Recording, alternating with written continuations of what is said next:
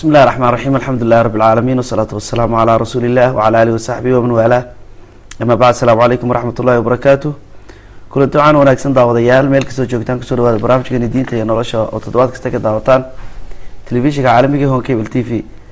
Barnaamijkeena maanta insha allahu tacaala wuxuu ku saabsanaan doonaa makaanada ama meeqaamka uu nebi maxamed caleyhi salaatu wasalaam uu ku leeyahay mujtamaca muslimiinta waxaana marti inoogu ah oo barnaamijkan inagala qeyb qaadan doona sheekh cabdiraxmaan ismaaciil maxamed. Sheekh cabdiraxmaan khayre. Oo ka mid a macalimiinta wax ka dhiga dugsiyada.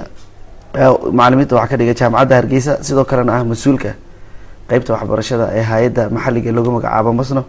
Marka koobaad daawadayaal iyo ogolaada inaan soo dhaweeyo sheekh sheekh cabdiraxmaan wargood barnaamijka ka soo dhawow aad iyo aad baan sheekh cabdiraxmaan kaaga mahadnaqanaa waktiga qaaligeedna siisay barnaamijyo hore oo kalena ood nagala qeyb qaadatay aad iyo aad baad umahadsan tahay. Sidaan tilmaamay barnaamijkeenu wuxuu ku saabsan yahay makaanada nebi maxamed aleyhi salaatu wasalaam uu ku leeyahay mujtamaca muslimiinta.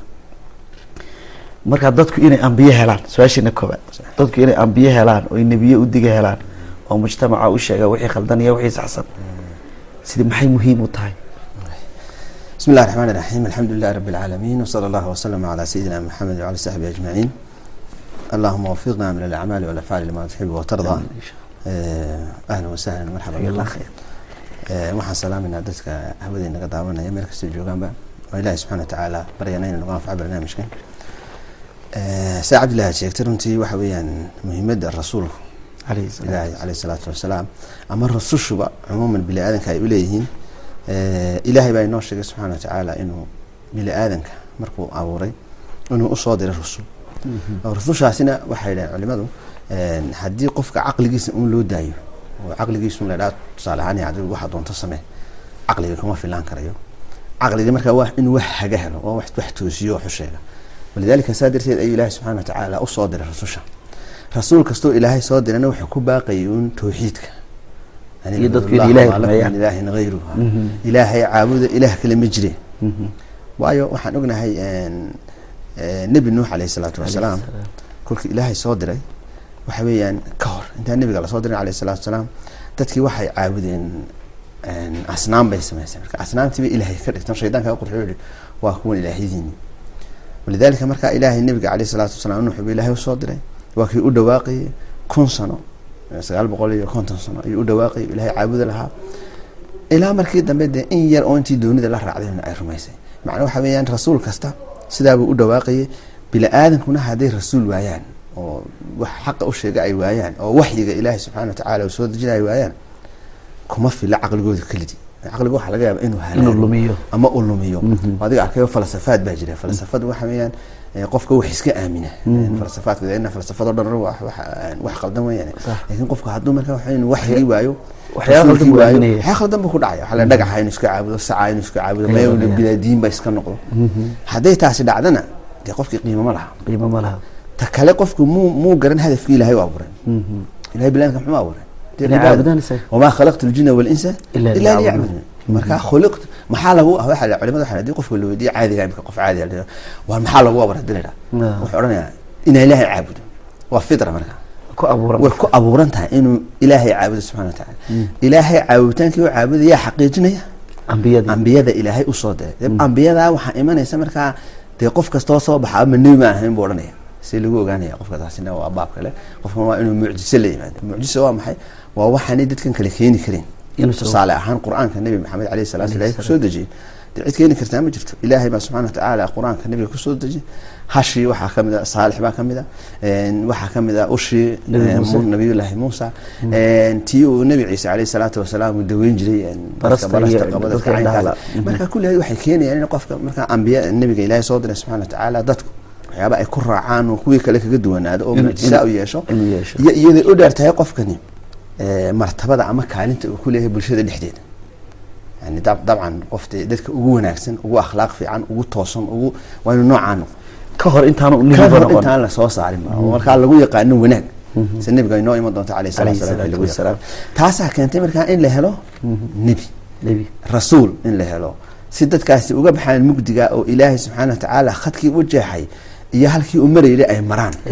Dee dariiqii toosnaa ilaahay u dhigay ku hanoonaan. Fahmiyada rasuulka waa taawe Sax. marka marka rasuulka lagu soo diro waxa imanaya dee oo lagula xisaabtamaya. Ma rumaysay haddaad rumaysay markaa waad nabadgelaysaa ilahay nabadgeliya aakhiriya adduun waad nabadgelaysaa haddaad beeniso de waa halaag. Markaa kolka rasuulkaa lagu soo diray xisaabtiina imanaysa. Marmarsiyaanad yeelin Marmarsiyaanad jazaak allah khayr sheekh cabdiraxmaan rumayntoodu in ambiyada la rumeeyo oo la aamino oo wax kastoo ambiyada lagu soo dejiyey la rumeeyo oo aan la kala qayb qaybin ahmiyad intee leeg ama door intee leeg bay diinta lafteeda iyaduna ku leedahay. Diintu ma socon kartaa nebi la'aan. Mm. su'aal wanaagsan oo qayim weye maya arkaanul iimaanka waxaa ka mid ah Ah. markaa sidaad kutubta ilaahay soo dejiyay ee xagga ilaahay ka timid u rumaynayso ayaad u rumaynaysaa ambiyada ilaahay soo diray. Maxaa yeelay iimaankaagii baa ku xidhan dee? Iimaankii Ayaa ku xidhan. xidhan. Iimaankii haddaad tidhaa anigu de ilaahay waan rumaynaya rasuulkana rumayn maayo ka soo qaad. Dee gaal baa tahay markaa. Waxba kuma anficin. Waa gartay. ambiyada ilaahay inoo soo dirana kuwa ilaahay qur'aanka inoogu sheegay ee tiradooda inoo sheegay iyo kuwa anu inoo sheegay inuu rumeeya yidhiba waxa laba xagga ilaahay ka yimid ee ambiyana waan rumaynana ma kala saarayna inagu. Waa tiir ka mida ku tiirarka taag- iimaanka. Walidaalika inaga islaamka muxuu dheeryahay ma ma kala saaraya dee. Waad rumaynaysaa ciise waad rumaynaysaa muuse waad rumaynaysaa ibraahim waad rumayn jamiica alambiya waad rumaynaysaa kama sidaad u rumaynayso nebi maxamed Calayhi salaatu salaatu wasalaam. markaa lama kala saarayo. Sidoodii ayaa loo wadaa. Jazaak allah khayr sheekh cabdiraxmaan ambiyadu maadaama uu ilaahay soo ilaahay soo diray subxaana wa tacaala mujtamaca inay dadka marka adduunka ku dhaqan inay u digaana ugu talagalay.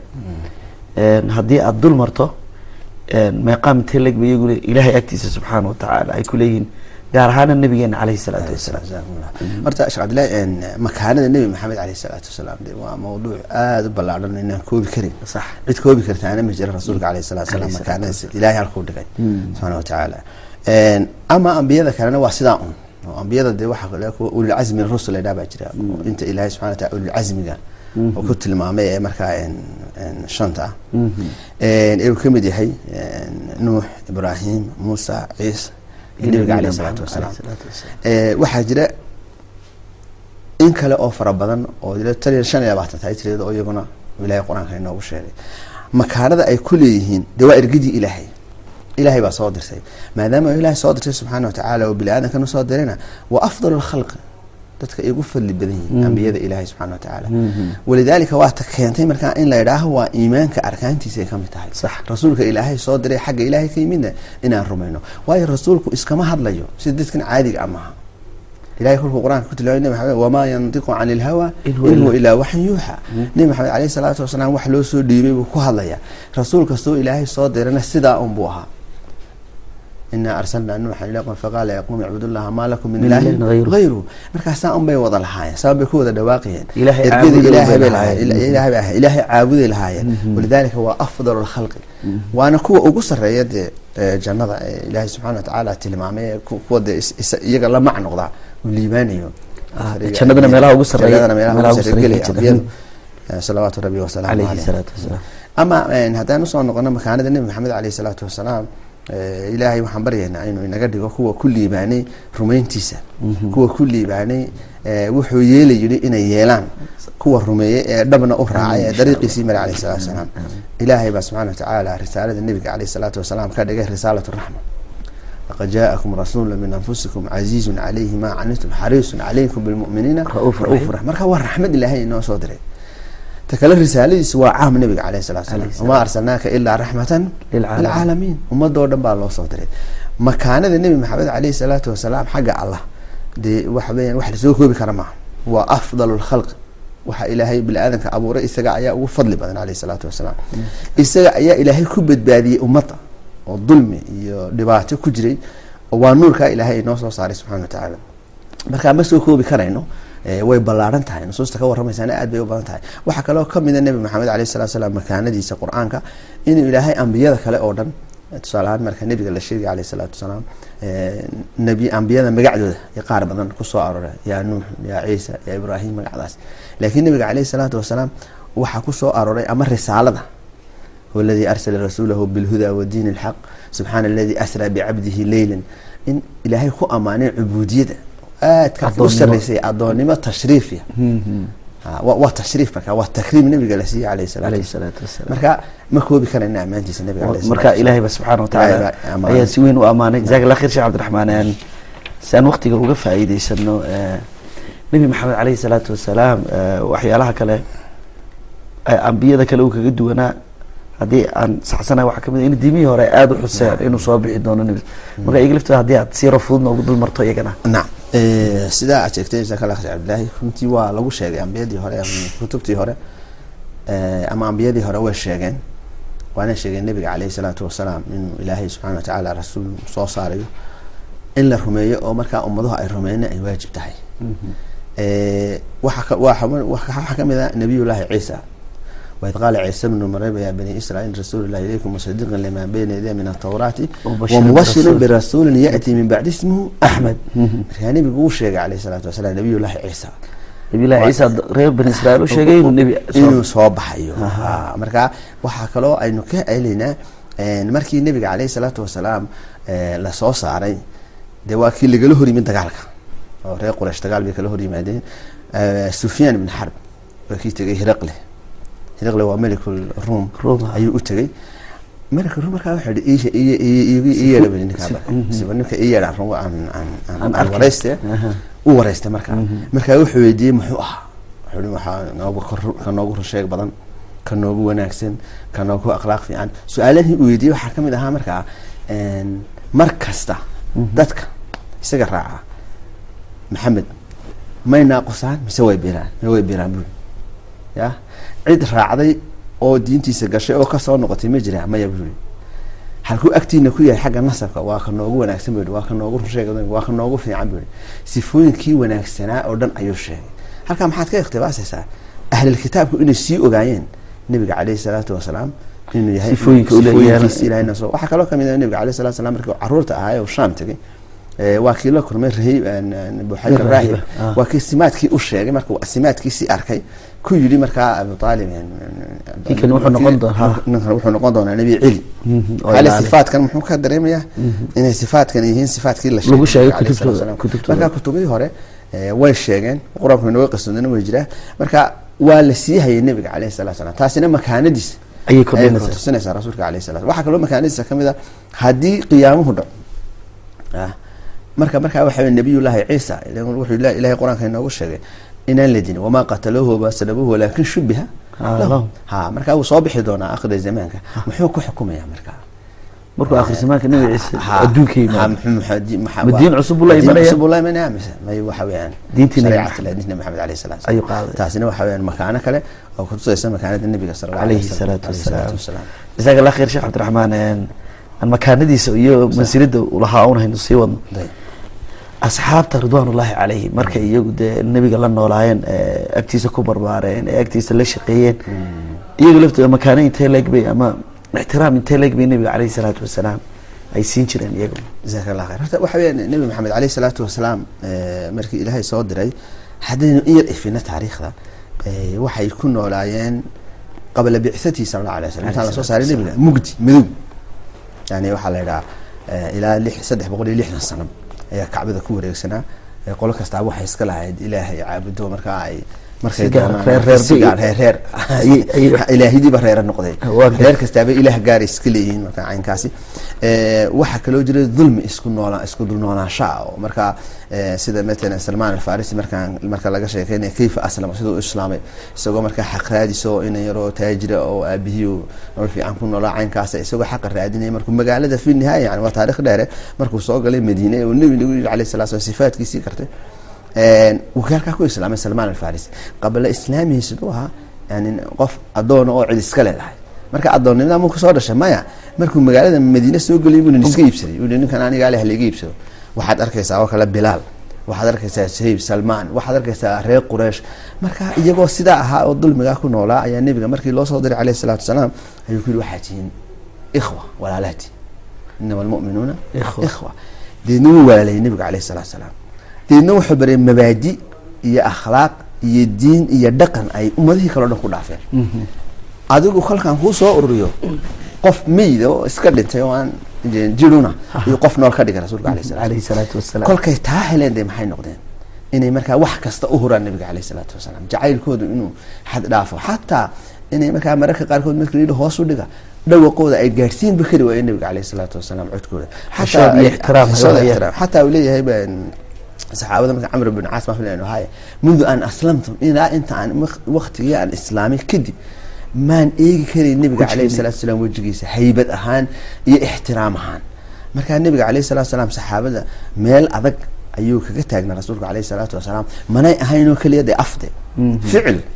Ayay ku maalintii uxud nabiga caleyhi salaatu wasalaam ee kolkii uu shaydaanku qeyliyay waa la dilay maxamed waa la dilay saxaabadii isku isku xeertay. Barhkood buu nabiga caleyhi salaatu wasalaam dhabarkoodu wuxuu noqday sida bahashan la idhaha maaragtay dhidada dhabarkoodu. Warmihii leeb. iyo leebkii ku dhacay. Ee nabiga lagu soo iyagu iskaga dhigayeen matalan tusaale ahaan haddaan ka soo qaadana dumarka oo kale nasiiba bintu kacab radia allahu canha say u difaacday iskaba dhaaf ragga cali iyo cumar raggaa iskaba dhaaf. Nasiiba bintu kacab oo dumar ahayd say u difaacday marka laga sheekeynaya la yaabay ahayd marka waxaan ka wadnaa quluubta nabiga cale quluubta saxaabada ridwaanullahi calayhim rasuulku meel adag ayuu ka taagnaa. Waxaanay u qireen markaa inuu yahay kii ka badbaadiyey inagana inaga badbaadisay iyagana ka badbaadisay dulmigaasi iyo dhibaatada ee nuurka ilaahay u soo saaray. Walidaalika sidaa bay noqdeen wax kasta u. Eh, waxaad ka soo qaadaa saxaabiyadii la weydiiyey markii dagaalkii laga soo noqday la yidhi matalan waxay istishaadayeen matalan Odaygaagii, caynka. Ee la weydiiyey tiri waa rasuulkii ilaahay ma nool yahay aatoo dhan iga dhaafo kayfa muxamed alayhi salatu Salaatu. kayfa nabiy rasuulka ilaahay ma nool yahay kolkaabaa la yidhi ha markaabaa tiri kullu musiibatin bacdaka jalalun ya rasuul allah musiibo kastoo dhacdaba kol haddaa adigu noo nooshahay waxba waxba maaha waxba maaha marka halkaa waxaad ka dareemaysaa kaalinta ay gaadheen iyo sida ay ahaayeen iyo siday nabiga caleyhi salaatu wasalaam markay tacliimaadkiisii qaateen waa dhaqan mugtahay muhiim in aada loo fahmo dadkuna ay fahmaan oo waxa kala duwan marka shayga la sheego iyo marka la dabaqo way qaateen way dabaqeen. Ya wa waa kan le marta bara bin caazib kunaa natanaawabu. Ha listimaac axaadiista nabi sala allahu alay wasalam iyo aayadaha soo degaya waan ku kaayaysan jirnay. Marka maanta markuu toban soo noqlo tobankaabuu xafidayaa dabaqayaa dhaqmayaa. kii kaluu beri diraya. Camaliyan bay u qaateen markaa markaa deedna kaasina waa ka keenay markaa inuu jacaylkooduna dhab noqdo oo wixii markaa uu noqdo wax midha samaynayo oo waxa weyaan ummadii kale kaga duwanaadaan taasi waa ta keentay si taa dee taarikhda la tilmaamo shan iyo labaatan sano. Rubcu qarni wax ka yar. Warkaa waxaynu ka soo qaaday markaa saxaabadu tacliimaad kaa qaadeen ridwaanullaahi calayhim ay dabaqeen diinta ilaahay inay wixii ka noqotay dhaqan markaa faafiyeen oo meel kasi gaadhsiiyeen. Iyagiiba dee sida lagu tilmaamay qur'aan yamshi cala ardi noqdeen qur'aan socda dee walidaalika wuxuu maxamed yidhaha jiilu lfariid jiilkii la yaabka lahaa ee isagoo kale. Waxaan u soo marnay soo noqonaya nabigu alayh salatu wasalaam afdal alquruni qarni uma aladiina uma aladiina. waxaa ugu fadli badan nabigu alayh salatu wasalaam ciddii la nooleyd Iyo waxay ciddi- waxay baa saxay. Xataa hadduu khalad ku dhaco. Maxaa saxaya? Waxay waa saxaya. Ah. lidalika asuxba saxaabada nabiga alayh salaatu wasalaam maxay ku gaadheen fadliga intaa leeg waa suxbada nebiga ay la noolaan Ay la noolaayeen. lidalika wuxuu nabiga saxaabi ka nujuum ayuhuma iqtadaytum ihtadaytum mid kastood ku dayataanba saxaabada nebigu waa sida xidigoo kale ku kulluhum cuduul dhammaan waa caa- waa waa caadiliin lidalika waxaa la in la caayo in la ceebeeyaan adu makaanada saxaabadana halkaa buu rasuulku ka taagna calayhi salaatu wasalaam iyaguna waxay u arkeen inuu yahay dee raxmadda ilaahay u soo diray ee ku nicmaysteen akhriya adduunyadaba wabitaali waxay qaadeen inay dabaqaan oy fuliyaan tacaaliimtii nebigu u sheegay calayhi salaatu wasalaam. Walidalika marka matalan axaadiista nebiga aynu akhriyayno ama aynu akhrisanayno waxaad aragtay kolka su'aal la keeno nebigu calayhi salaatu wasalaam su'aasha soo dhigo su'aashii iyagoo garanaya. Ayaa waxaa dhahan allahu aclam garanaya hadda. Aha. midna maalintii xajat lwadaac miya ayu shahrikum hada liwadi lxija ayu baladikum hada wamaka lmukarama hay ma- way garanayaan. Haddana maxay leeyihiin Allahu warasuuluhu warasuuluhu aclam. aclam ma garan karna in dee waxyiba yimid oo la bedelay magaciid Mhm. lidalika eh, waxaan uga Ixtiraam soconnaa- ay u hayaan. ixtiraam ay u hayaan taqdiir ay u hayaan. In nabiga caleyhi salaatu wasalaam aanay isagoo jooga wax markaa ay ku dhaqaaqayaan u jirin ilaa inay wax kastaba isaga ay uga dambeeyaan mooyaane. Wax kaloo makaanada nabiga ka mid ah Alayhi salaatu wasalaam. wax kastoo wanaagsan oo heleen ay u sheegaan rasuulka alayhi salatu wasalam xataa waadiga carruurtay u keeni jireen atfaalka bashiir bin sacad markuu u keenay ilmihiisi nabiga alayhi salaatu wasalaam yaa rasuul allah waxaan doonayaa inaad ka markhaati noqoto hadiyadan aan ilmahayga siinayo. Rasuul alayhi salatu wasalam carruurtaadoo dhan hadiyadan maad siinaysaa? Mee kanunbu ukhaas yahay maya haddaba u kaadib yani waxa weyaan cadaalad darro. Ha yani waxaan tusaale waxaan u soo qaadanayna wax kasta Wuu ula imanayay. nabiga ula iman jiray calayhi salaatu salaatu wasalaam. Yani waa- waana ta inaga laynaga rabo. Qofka muslimkii markuu wax qabanaya la yidhaha ee, shaygani ileen inaga waxaa jira shareecadu waa waxa inoo soo ilaahay baa inoo soo dejo waa waa tashriic waa diin waa dhaqan islaam oon leenahay. Marka markaynu wax waxaan xukunkiisa waa maxay inaga dhacday mesh marka marka halkaa matalan shaarica wax daadsan oo lacagoo iska daadsan maxaad u qaadan lahayd? Tusaale ahaan yani waxaan waxaan xukunkiisa waa maxay? Ilahay baad u celinaysaa. Rasuulkiisa aad u celinaysaa alayh salaatu wasalaam. Marka waxaan sidaa ay ahaayeen makaanadu sidaa bay ahayd halkaabay gaadheen wabitaali waxay noqdeen markaa iyaguna dadka dadka Dadka ugu fadliga badan. noqday. eh, suxbada nebiga sala calayhi salaatu wasalaam saasaanu ilaahay subxaana watacaala uga raali noqdo. Sidaa radia allahu canhum laqad radia allahu can lmuminiina id yubaayicuunaka taxta shajara. facalima ma fi quluubihim faanzala sakiinata ila akhiri alaayaat yani sidaa bay iguna raalli ahaanshihii ku gaadheen oo bedhkoodna ka mid noqday eh, iyagoo adduunyada socda In lagu bushaareeya janno lagu casharat lmubashariina biljanna Biljanna la yidhaahdo. isagoo isku jooga adduunyada. Ah. bal ninka ka waran la yidhi isagoo socda jannada adigu jannaad gelisa. Wax la yaaba ilahi subxana watacaala xubigooda uu ku jaza camal iyo iimaan bay ku gaadhay insha allah jazaak allah khayr sheekh cabdiraxmaan een iska gebagabadii barnaamijkeenu ku jirnaa. Ee, sidaa tilmaantay mawduuc waa mawduuc ballaadhan Aad, aad, aad. oo marba u baahan ka asxaabto keliya in la dul istaago. Oo waqti fara badan lagu bixiyo marka laakiin macluumaad fiican baad naga siisay jazaak allah khayr su'aasheeda ugu dambeysa dadkan waxaa looga baahan yahay inay nebiga caleyh salaatu wasalaam iyaguna makaanu ku agleeyihin inay makaanadaa muujiyaan dadku. Nebigu agtooda marka lagu soo qaado nebiga caleyh salaatu wasalaam aqoontii uu ka tegay marka barashadiisa dadkan waxaa laga doonaya makaano weyn agtooda ku yeesho marka haddii aad taa dul marto iyaduna maxay maxay noqonaysaa? Jazakum allah khayr waa si wanaagsan cabdillahi Eh, runtii makaanada inaga la inaga raba ka muslimiinta dee kolkaynu iimaanka la nimaadna ilaahay rumayna rasuulka rumayna caleyhi salaatu wasalaam waxaa laynaga rabaa wixii rasuulka inaamra inaan qaadano wamaa aataakum rasuulu fakhuduuh wamaa nahaakum canhu ta koobaad ee laynaga rabaa inaan rasuulka caleyhi salaatu wasalaam oo amirtiisii qaadano nawaahidiisii ama wuxuu inoo diiday inu ka tagno kaasi waa qodob qodobka labaad waxaa la rabaa nabiga caleyhi salaatu wasalaam inuu noqdo dee tusaalaheena dhinac kasta leegna waa qudwadeena kaan ku daynayna waa nebi maxamed alayh salatu salaam marka haddaan doonayno xukun nabigaan kaga daynayna alayh salatu salaam haddaan doonayno tacliin iyo waxbaris nabigaan kaga daynayna alayh salatu salaam haddaan doonayno cadaalad dhinac kasta nabigaan kaga daynayna alayh salatu salaam haddaan tarbiya carruur doonayno nabigaan kaga daynayna alayh salatu salaam haddaan ixtiraam iyo taqdiir aan ummadda u hayno nabigaan kaga daynayna jamiic aljawaanib dhinac kasta markaan nolosheena ka eegno nebi maxamed baynu ku daynayna alayh salatu salaam waana taynu ku liibaanayno oo iminka waa adiga arkay intan matalan dee da- dadka muslimiinta caalam alislaami ama wadankeena ha noqoto ama dhulka kaleba ha noqotee dadku markaasi ugu soo jeedaan diinta hadday noqoto barashadeeda hadday noqoto ku dhaqankeeda hadday noqoto faafinteeda hadday noqoto maxa waxa dhinac kastaba. Marka nabiga caleyhi salatu salaam waxa qul qalbigeena inuu ku jiro laga arko ficilkeenana taabaa la rabaa. In nabiga caleyhi salaatu wasalaam ficilkii iyo markaa dhaqankii ay isu- isugu noqdaan. Haddii kale waxa weeyaan hadduu inaga noqdo tusaale ahaan dee inaynu waynu jecelnahay oo si kasta aynu markaa u u tixgelinaynaa laakiin afcaashiisii lama imanayno oo wixii uu inoo tilmaamay runtii wax badan baa inaga naaqsan haddaynu idhaana taasina nuqsaan weyn bay noqonaysaa. Waxaa kaloo markaa nabiga caleyhi salaatu wasalaam makaanadiisa martabada inagu leeyahay kamida ee waajibka ah inaynu ka soo bilowno hoosta. Yani matalan tusaale ahaan carruurta yaran marka laga soo bilaabo halka robadada ugu hooseeya ilaa uu qaan gaadhayo waa inuu nebigu caleyhi salaatu wasalaam si sawir saxa ula socdo ilmahaasi. Oo lagu barbaariyo. Oo la soo qaado nabiga caleyhi salaatu wasalaam siiradiisii oo la soo qaado mawaaqiftiisii la yaabka ahayd oo loo tuso ilmaha iyo dadka waaweyn labadaba saligiisa nabiga caleyhi salatu wasalaam markaad ku salido inaad helaysa markaa waxayn ajar. Ah, qolka markaa kol hadduu igu saliyo nabiga caleyhi salatu wasalaam toban baan ku saliya Ah, malaa'igtaad gaadhsiinayso saliga nabigaan ku salina caleyhi salatu wasalaam way gaadhaysaa. Marka inaan taana badino oo markaa ruuxdan laynaga helo muslimiintu saa noqdaan.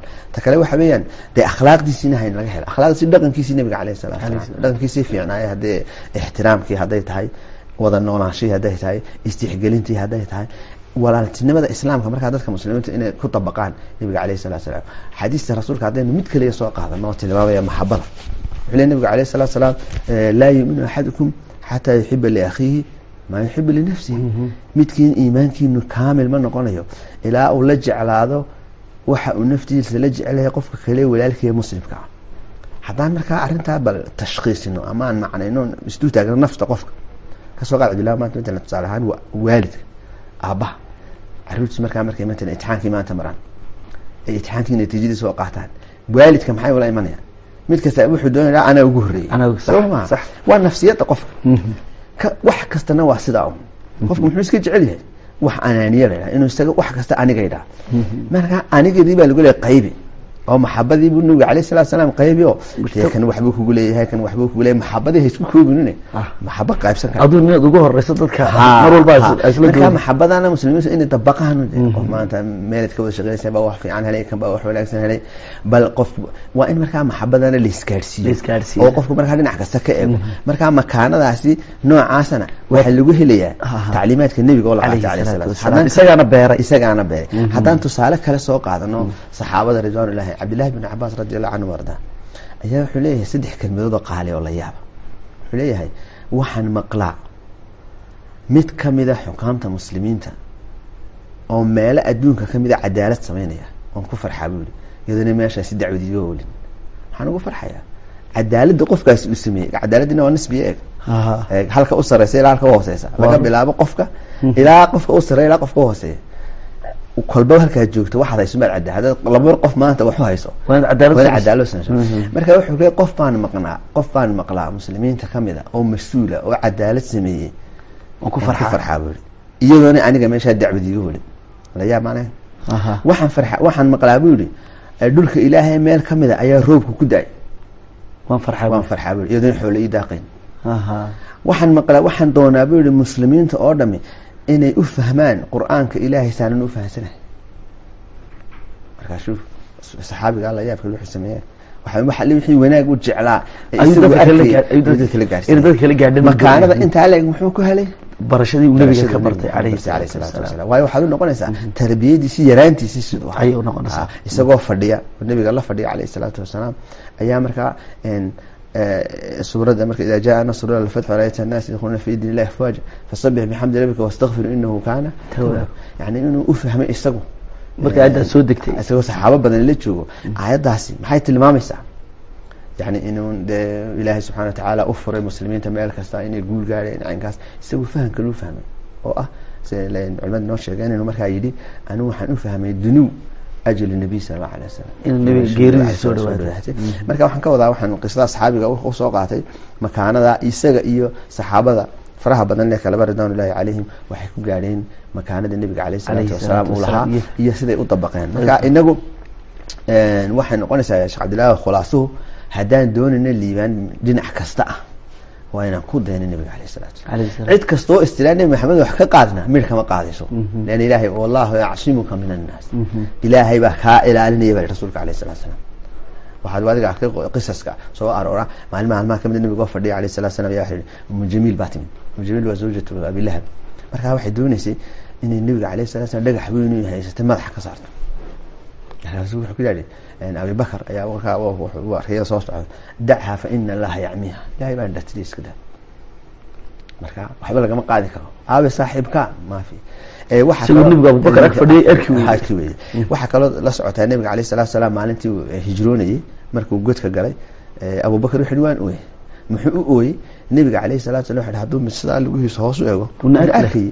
Ha, waa kii rasuulka hore alayh salatu salaam. Maxaad u malinaysaa laba ilaahay Ha, mhm. marka waxaan ka wadnaa nebiga ilaahay baa ilaaliyey cid wax ka qaadi kartaa ma jirto ama qolada nimika joogto ha noqoto ama mid karikateer wax ku qora ama mid wax ka sheeg sheega ama mid diidisa wax ka sheega ama ku hore ha noqdo atawaasaw bihi bal hum qowmun daaquun alkufru mila waaxida isku dardaarmayaan marka wuxuu doonaha ka sheegay horta cid wax ka qaadi kartaa ma jirto. laakiin muslimiinta maxaa laga rabaa inay ku dhaqmaan tacaaliimta nebigooda caleyhi salaatu wasalaam inay wax kasta ka hormariyaan inay tarbiyadooda naftooda ubadkooda jaarkooda wadankooda ummadooda ay ku dabaqaan.